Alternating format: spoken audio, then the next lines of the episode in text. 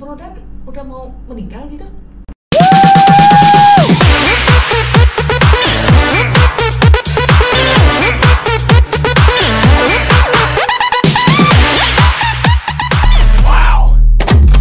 Welcome to Review Channel Podcast. Nah, hari ini bintang tamu saya adalah Daniel Adijaya. Nah, siapa dia? Search saja di Google ya. Apa kabar Brodan hari ini? Baik, mm-mm. terima Oh, kasih. sehat? Sehat dong. Oh, Brodan tahu nggak eh, kenapa saya undang hari ini? Tahu, tahu lah nih mau podcast namanya. Oh, podcast. Iya, namanya Oke. podcast ya. Itu ada kameranya, ada mic. Oh, ada kamera ada mic ya. Oh iya. Brodan, eh, kemarin itu saya nggak sengaja denger nih, hmm, Brodan ngebahas soal merencanakan kematian sama anak-anak. Jadi buat saya itu menarik sekali. Jadi saya pengen denger lebih lanjut nih. Pengen denger karena waktu itu kita dengernya tuh cuman sepintas. Nah, Brodan kok bisa sih ngebahas begituan sama anaknya apa nggak tabu gitu? Enggak tuh buat saya. Karena hal itu gua bukan tabu buat keluarga saya dan bagi saya sendiri nggak tabu. Memang nggak enak sih didengar mana anak ya. Iya, Iya, nggak enak. Ya. kan jadi gimana ya? Jadi sedih gitu dengernya. Tapi kan anak-anak saya tahu akan satu saat saya akan mati kan. ya terus kenapa harus dibahas gitu maksudnya kenapa nggak sedih nanti anak-anaknya kalau dibahas sekarang belum Nah justru itu biar mereka nggak sedih. oh gitu Iya, jadi kita bahas. emang Brodan udah mau meninggal gitu Enggak lah, kalau udah mau meninggal saya nggak datang sini podcast. Brodan ini ada minum alkohol Enggak, nggak suka merokok saya. Merokok enggak, nggak pernah. rajin olahraga Ya, dihitungnya sering lah, nggak setiap hari ya, tapi sering. Hmm, Brodan umur berapa sekarang Umur 52. oh itu masih muda kenapa ngebahas soal kematian sih nggak nggak minum alkohol nggak ngerokok Gitu. Ya itu dia, karena saya berani taruhan kalau satu saat nanti saya akan mati.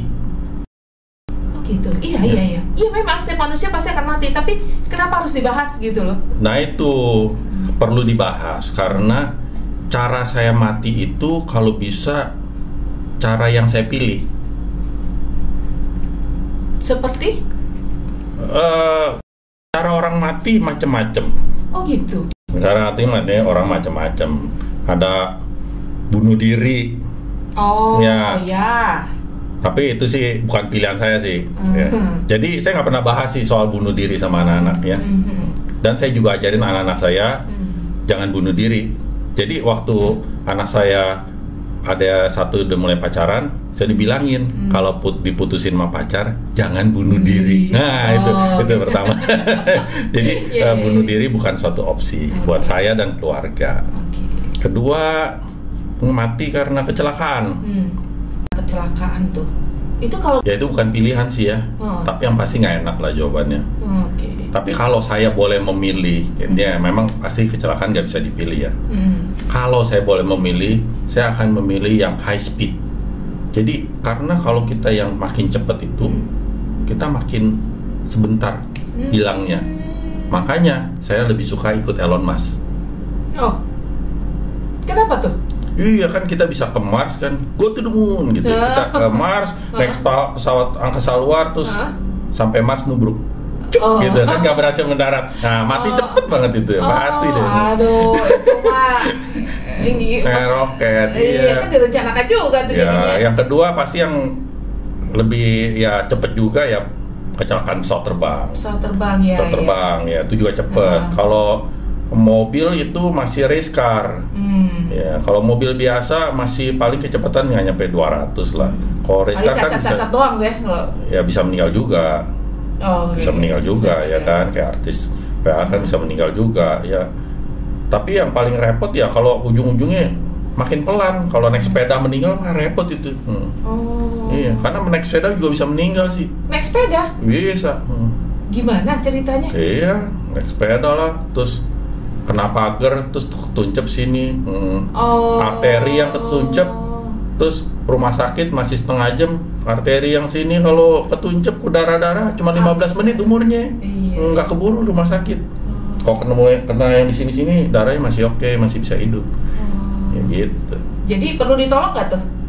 itu ditolong lah Oh, ditolong. mesti usaha Mesti tapi ya. gimana Iya, Hmm, iya. namanya orang kecelakaan Oh, kan kita nggak tahu apalagi orang yang nolongin mana tahu Iya. kenanya di sebelah mana betul mana arteri mana vena mana geger otak cuman kalau geger otak lu lumayan sih. Hmm. terus meninggal. Karena dia nggak tahu. Nggak ngerasa ya? Nggak tahu sih merasa juga sih pak. Orang kejedot aja berasa sih. Oh. Iya. cuman benjol ya. cuma nggak sadar aja gitu? Cuma sebentaran waktu sebelum geger otaknya. Oh. Waktu udah geger otak biasanya dia udah nggak tahu. Terus kalau nggak ketolongan ya udah. Tapi saya nggak setuju loh membahas soal kematian itu. Gitu ya? Itu agak-agak gimana ya itu kan masalah kematian itu haknya Tuhan ya jadi Tuhan yang menentukan jalan hidup seseorang Ya betul, tapi begini loh konsepnya. Jadi kalau kita ngomong eh, hidup dan mati di tangan Tuhan, hmm. saya rasa kurang gitu tepat sih. Loh, selama ini memang hidup dan mati kita di tangan Tuhan Enggak, kalau hidup mah urusan orang tua kita dan nggak pakai tangan yang tak saya tahu. Oh jadi pakai apa dong Ya gitulah ya. oh gitu waduh kacau kacau kacau Nah, ya, tapi Iya, iya, ya oke. hmm. turut campur ya boleh lah dari Tuhan ya kita bisa bilang tapi kan tetap ya urusannya manusia bikin kehidupan di bumi ini Mm-mm. nah, berkembang biak tapi kalau yang namanya mati ya kita nggak bisa pilih Hmm. pasti mati setiap orang betul nah tapi mati itu hmm. Terutama ya kalau yang namanya penyakit itu ada macam-macam jenisnya Hmm. jadi misalnya ya kalau orang itu kena penyakit hipertensi Mhm.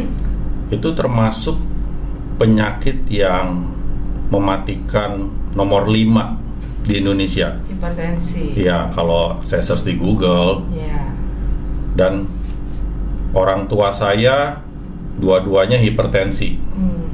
Abang saya hipertensi. Jadi kemungkinan besar saya kena hipertensi ya sangat besar lah ya. Akhirnya bapak saya memilih untuk menjadi vegetarian dan akhirnya memang berhasil Hmm. hipertensinya hilang.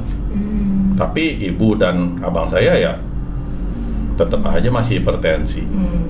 Nah itu kemungkinan saya juga bisa hipertensi. Jadi mau nggak mau saya harus menjaga agar saya tidak hipertensi. Tapi kalau sampai satu saat saya kena hipertensi, terus saya terjadi komplikasi yang bermacam-macam karena hipertensi, itu nggak enak. Hmm. Jadi ada yang enak dan yang tidak enak nih. Yang Ada kematian yang enak dan yang tidak enak nih kalau dilihat dari pembicaraannya Bro Dani. Gimana ya? Bukan sih. Kalau saya sih nggak nggak ngelihat ada yang enak ya. Oh gitu. Hmm, iya. Menurut saya semua kematian sih nggak enak, makanya semua orang mau hidup terus, gitu kan? Iya, umur Iya. panjang kan? Biasa Umur kita panjang. ulang tahun nyanyi kan? Iya, kalau saya nggak mau umur panjang saya udah loncat nih hmm, dari Monas gitu kan, nggak nggak udah selesai. Iya, Ya, iya. orang nggak mau lah pasti Hmm. seperti itu. Jadi pasti yang namanya kematian itu mungkin nggak enak, tapi masalahnya nggak enaknya itu sampai intensitasnya seperti apa, seberapa buruknya, seberapa sakitnya. Nah itu yang perlu saya persiapkan. Makanya saya bilangin sama anak-anak saya, Hmm. kalau saya udah deket umurnya, Hmm. jangan bikin saya menderita. Hmm. Itu aja. Menderita seperti apa ya maksudnya? Oke, misalnya seperti ini. Ada yang saya bilang orang die hopelessly, Hmm. mati nggak berpengharapan namanya. Jadi seperti apa ya matinya ya? Misalnya saya kena stroke, Hmm. saya kena stroke, terus saya nggak bisa bangun dari ranjang, saya dirawat oleh anak saya belasan tahun, ya mungkin satu dua tahun, bisa 10 tahun atau lebih gitu ya. Hmm. Saya cuma diranjang doang. Iya. bertahun-tahun Iya. itu namanya saya ujungnya mati juga karena saya stroke Hmm. karena satu saat organ-organ tubuh saya akan kalah Hmm. karena saya tidak bergerak saya tidak mampu melakukan apa-apa karena saya stroke ujung-ujungnya saya akan mati juga Tapi itu kan jasa, membalas jasa orang tua yang sudah membesarkan mereka selama ini kan? Buat saya tidak. Kalau mereka merawat saya seperti itu, mereka namanya menyiksa saya bertahun-tahun. Wah, Karena bagi saya, kalau memang satu saat manusia harus mati, ya mati aja. Ya tergantung orang itu beragama atau enggak. Kalau dia beragama, dia mungkin mati merupakan suatu keuntungan. Dia mungkin dia bilang masuk surga lah atau apa ya. Bagi saya juga hal itu, bagi saya kematian memang suatu hal yang lum- lumrah. Jadi hmm. nggak harus dihindari seperti bagaimana gitulah. Hmm. Itu salah satunya. Tapi itu yang nanti dibilang eh, yang bakal dibilang sama orang anak tidak tahu diri itu, tidak membalas jasa orang tua. Tapi kan anaknya udah dapat pesan dulu bagaimana harus menghandle Oh, orang tuanya. Jadi Iya. dipesankan sama orang tua gitu ya. Iya. Selain tadi ada kematian Hopelessly. eh, eh, hopelessly, ada kematian yang lain lagi nggak? Ya macam-macam ya. Hmm, Ada yang misalnya die miserably. Oh masih ada? Iya. Oke. Die itu meninggalnya sengsara banget deh. Sengsara? Ya. Oke. Misalnya meninggal karena diabetes. Hmm. Ya, meninggal orang karena diabetes itu adik ibu saya itu ada dua yang meninggal karena diabetes. Itu sengsara banget meninggalnya. Saya eh, tahu ya, jadi saya nggak mau meninggal sampai seperti itu. Hmm.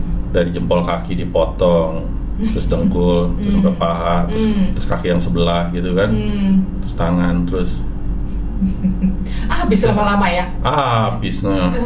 Terus akhirnya busuk juga dalam badannya organnya. Kan bukan kakinya doang yang busuk. Kalau orang Iya, udah mulai iya, iya, busuk-busuk kan artinya bukan kakinya doang.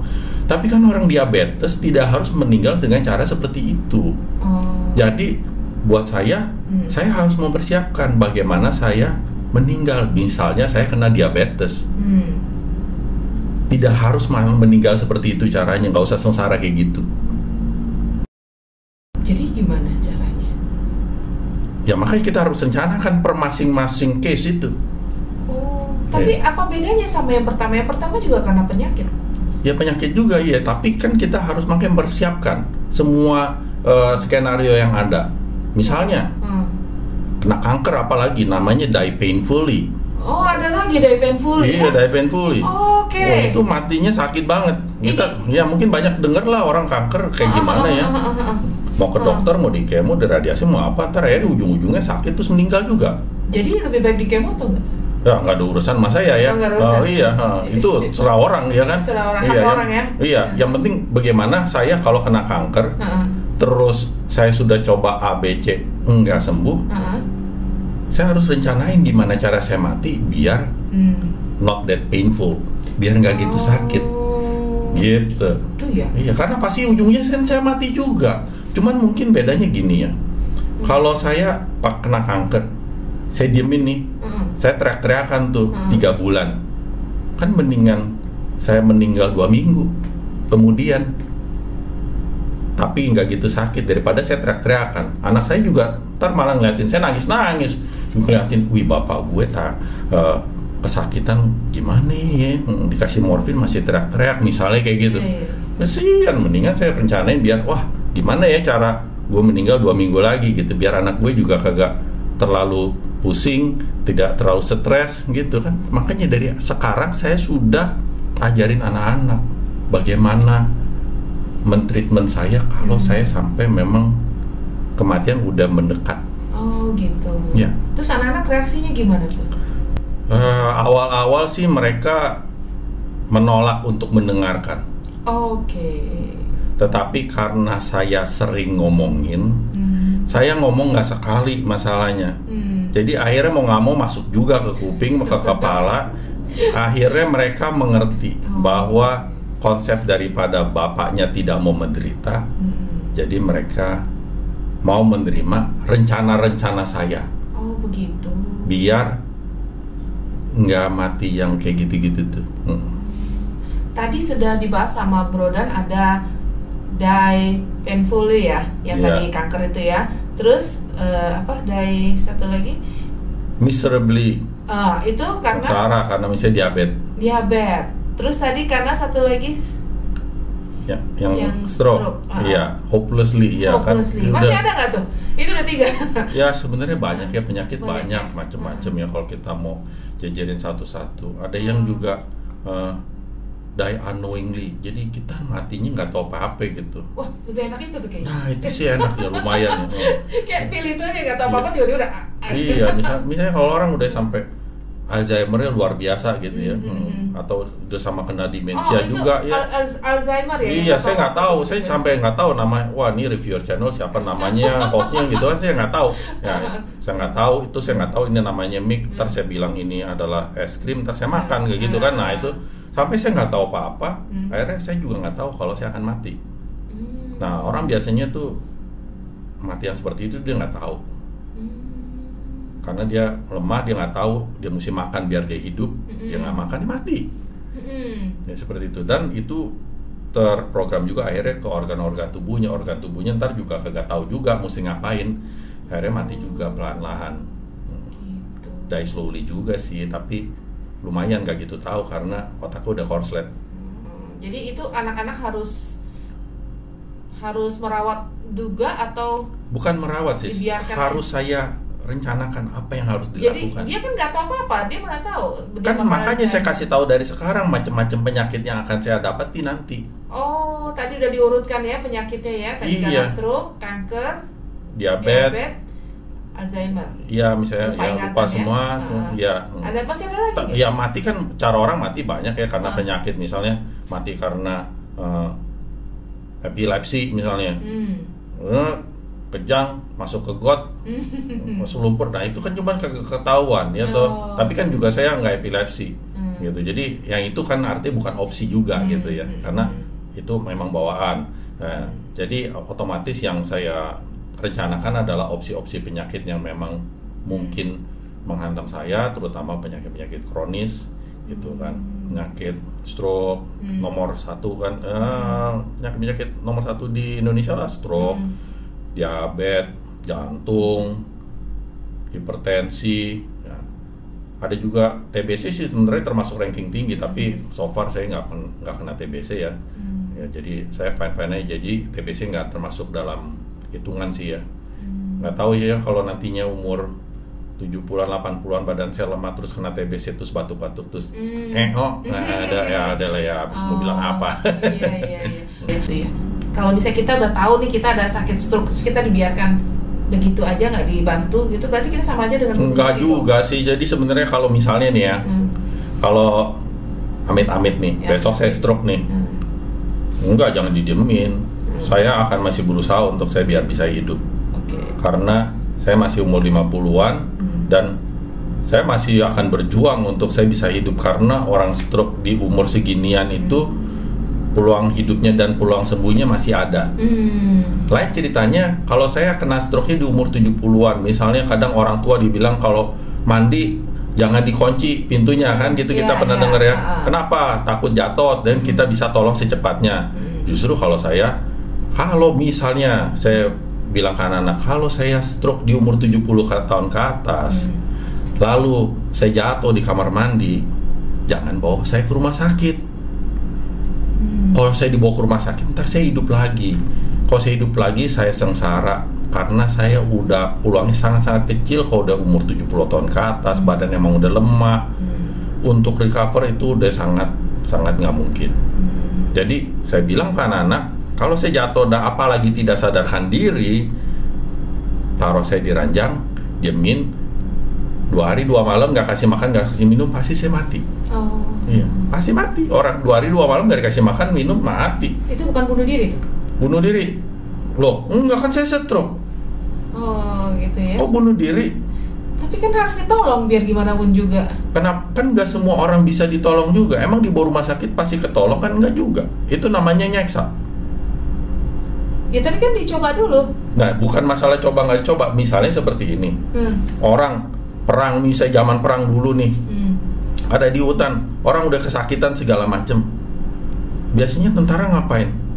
Minta tolong sama temennya buat ditembak biar nggak terlalu sengsara Hmm. toh karena dia berpikir apa? Hmm. kalau dia tetap di hutan tersebut nggak ada yang tolongin Hmm. ya hidup sih. Mungkin cuma berapa hari dia disisain makanan dan minuman. Masih hidup dengan luka parah gitu kan nggak bisa ke mana-mana ya mendingan dia mati ditembak nggak saya nggak nggak sengsara Menderita juga ya kalau dia bertahan satu dua hari itu ya. betul karena orang kalau mau mati kalau memang mesti mati ya mati aja jangan dibikin sengsaranya itu loh yang kagak mau Tapi kita kan manusia, kadang nggak tega gitu. anak saya nah makanya anak saya saya ajarin biar harus tega karena kalau Bukan saya bukan anak aja loh, manusia pada umumnya. bukan gitu pokoknya saya ngajarin anak saya pokoknya Oh, Oke. saya bilang Hmm. kalau dia sampai bawa saya ke rumah sakit saya udah nggak sadarkan diri karena stroke. Hmm. dan saya hidup lagi artinya justru dia tega malah mau nyeksa saya. Saya ajarin gitu. Wow. terbalik dong buat saya. Karena dari pihak saya mereka nyiksa saya dengan begitu caranya. Kalau memang saya harus udah ketemu pencipta saya ya udah emang udah saatnya pergi pergilah. Tapi ini kan bukan zaman perang, bro. Iya memang bukan. Cuman kan itu suatu analogi di mana orang kalau memang sudah tahu akan mati juga it's just a matter of time. Cuman masalah waktu iya kan? Kalau kita ma- pasti mati misalnya dua bulan. Emang kalau kita mati dalam dua hari terus kita dibilang bunuh diri. Tapi kalau kita jadi hidup dua bulan harta habis harus biaya besar anak-anak harus repot bisa sampai berhenti kerja ngurusin bapaknya yang udah sekarat dan memang akhirnya ujungnya mati juga. Anak-anak saya tahu lah harus tahu bagaimana orang itu kira-kira tuh kalau udah bau tanah yang seperti apa tuh mereka harus lepaskan. Tidak untuk dipertahankan seperti itu. Mereka harus tahu ada batasan hidup manusia kalau memang saya masih bisa hidup normal dalam 20 tahun ya jangan dibikin saya mati juga kali. Oh, misalnya makanya iya. misalnya besok saya stroke nih. Nah, ya jangan bikin saya mati lah saya masih bisa hidup mungkin 20 tahun lagi. Dengan stroke loh karena banyak orang stroke hidup masih 20 tahunan lagi kayak gitu. Hmm. Kalau karena diabetes itu gimana? kalau dengan diabetes ya itu. Kalau bisa jangan mati karena diabetes gitu aja. Kenapa tuh? Karena itu sengsara miserably Oh, Ya, orang meninggal karena diabetes itu sengsara walaupun kita kena diabetes kan ada yang namanya obat oke. obat diabetes ada yang namanya insulin ada terapi macam-macam untuk kita bisa uh, Sembuh kembali ya? nggak ada yang namanya sembuh Oh, sembuh? bohong Bohong. Iya, bohong Oh. iya jadi kalau kita Hmm. pergi ke dukun dibilang lo diabetes sembuh nggak ada nggak ada, nggak ada. Bo- Ah. bohong itu bohong ya jadi Oh, gitu ya? ya bohong saya nggak percaya. jadi kalau saya bisa kena diabetes Hmm. saya harus jaga aja toh kalau misalnya hari ini saya kena diabetes besok nggak mati saya nggak mati Hmm. nggak mati tapi Hmm. satu saat kalau saya memang udah saatnya udah makin tua Hmm. terus saya emang ngocol Mm-mm. makan nggak bener minum nggak bener kan namanya nantangin orang diabetes Mm-mm. terus mulai potong-potong gitu kan dokter bakalan suruh potong-potong. Nah itu saya akan merencanakan bagaimana biar saya jangan sampai meninggal karena diabetes itu. Dan terlalu lama jadinya ya? jangan terlalu jangan terlalu sengsara. Potong-potong dan Ya lama dong jadinya kan, potong satu, potong, potong. iya. Jadi lama belum lagi juga. segala macamnya bisa juga kalau orang diabetes bisa kena namanya neuropati. Oh, tau nggak? Enggak, apa tuh? ya jadi misalnya eh, di atas meja tuh gitu Ah, tuh ah, ah. Karena itu meja seperti jarum Oh. Jadi kita sentuh gini tuh, itu kayak kita kena jarum-jarum Oh, jarum oh, oh, Hmm. oh. kayak disayat-sayat kulitnya Oh, gitu. bisa sampai seperti itu nah itu jangan sampai Iya, iya, amit-amit ya. ya itu kita memang ada hal-hal yang masih bisa diatasi Hmm. at some point memang kita kalah makanya kalau orang diabetes Hmm. harus jaga dengan baik Hmm. makanya kalau saya diabetes nih Hmm. saya akan jaga dengan baik Hmm. Diabetes saya mungkin dengan pola makan yang baik Hmm. dengan obat-obatan yang baik Hmm. otomatis diabetes akan terjaga dengan baik. Tapi kalau memang harus kalah juga, kalau bisa saya mati karena hipoglikemia. Apa tuh? Orang biasanya ya, Hmm. kalau eh, meninggal ada dua sih, Heeh. hiperglikemia kalau gulanya terlalu tinggi, tapi ini Oh. lebih jarang karena ini biasanya lebih tertolong, Oke. ya bisa dibawa ke rumah sakit dan tertolong. Heeh. Kalau hipoglikemia itu biasanya Heeh. orang dibawa ke rumah sakit suka telat. Oh, Ya. Ya, Oh, jadi oh. kalau orang udah gulanya terlalu rendah, Hmm. kita tes kan kita bisa tinggal beli di toko online Pss, kelihatan gula darah kita berapa gitu kan Hmm. jadi kalau kita umurnya kira-kira udah deket gitu ya Hmm. waduh nih gula darah kok bukan tinggi gitu kan Hmm. padahal kalau orang kena diabetes kan mesti gulanya tinggi ini kok Hmm. rendah banget kok cuma 60 gitu kan terus suntik insulin Hmm. terus selesai deh hidupnya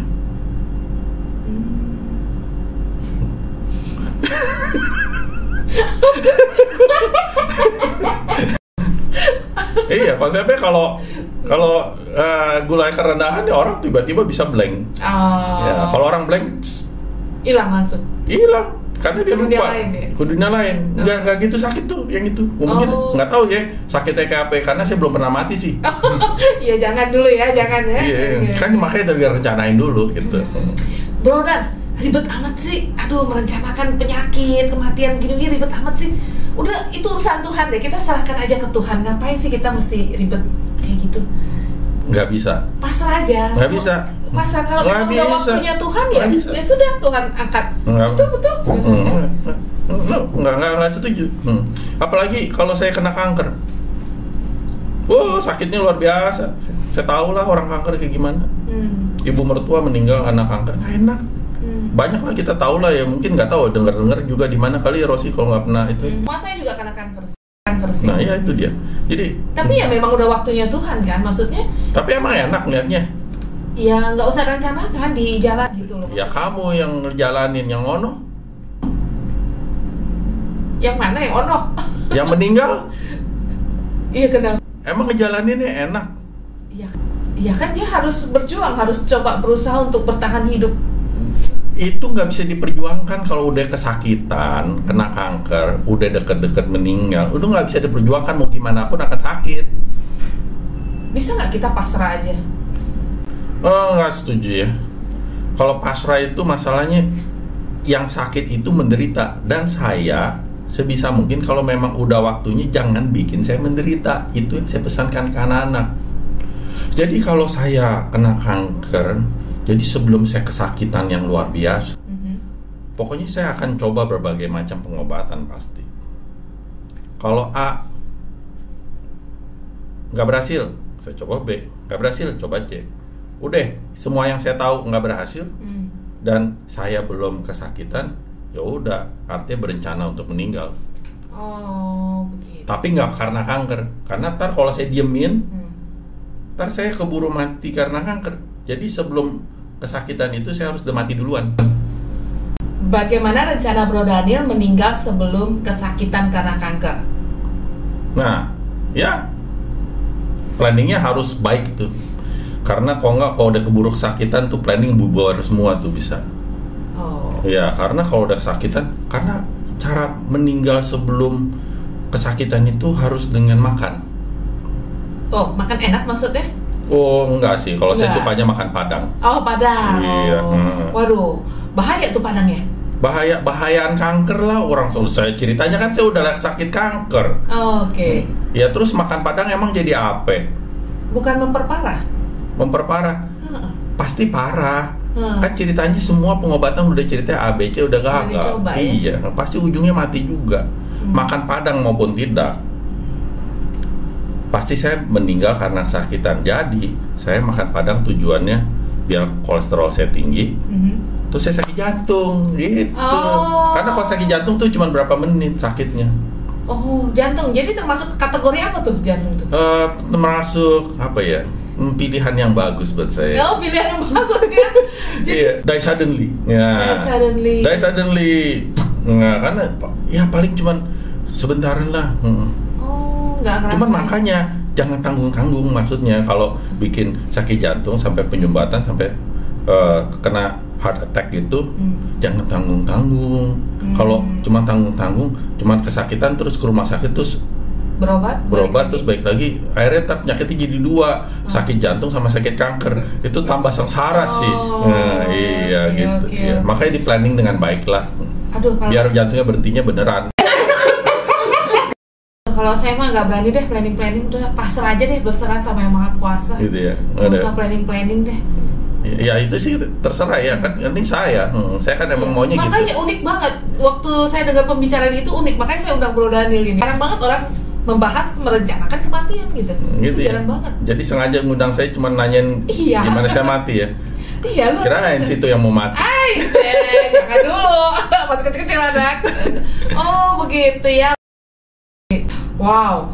Jadi Bro Daniel sudah benar-benar matang merencanakan kematiannya ya. Merencanakan kematian Anda gitu. Hmm. Tadi sangkain bunuh diri lagi. Eh, Enggak lah, iya. itu kan bukan bunuh Iya, diri iya, saya. iya. Saya nggak bunuh diri. Itu bagaimana merencanakan mati biar nggak sengsara dan sakitnya berkepanjangan sih. Hmm. Itu aja. Iya, iya. Tapi kalau saya saya pasrah aja lah sama Tuhan. Syukur kalau mau dirawat sama anak-anak, ya syukur Ya. ya berarti. Pilihan tiap orang. Hmm.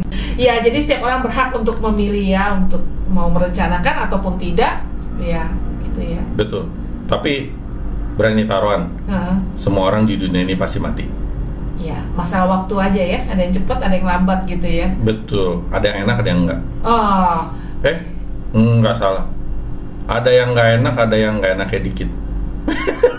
yang gak enak dikit gimana tuh? Lah itu kayak misalnya sakit jantung kan cuma sebentar, satu dua Oh, menit iya, tuh, ah, udah selesai. Oh, iya, itu cuma dikit gitu. ya. apalagi stroke, Oh, langsung hilang. Itu benar-benar nggak berasa tuh. Oh, oke. Kalau stroke yang nggak sadarkan diri ya, Oh. kalau lima menit lagi dia melek lagi cuman ma- melek mata sebelah doang gitu ya itu panjang ceritanya tuh.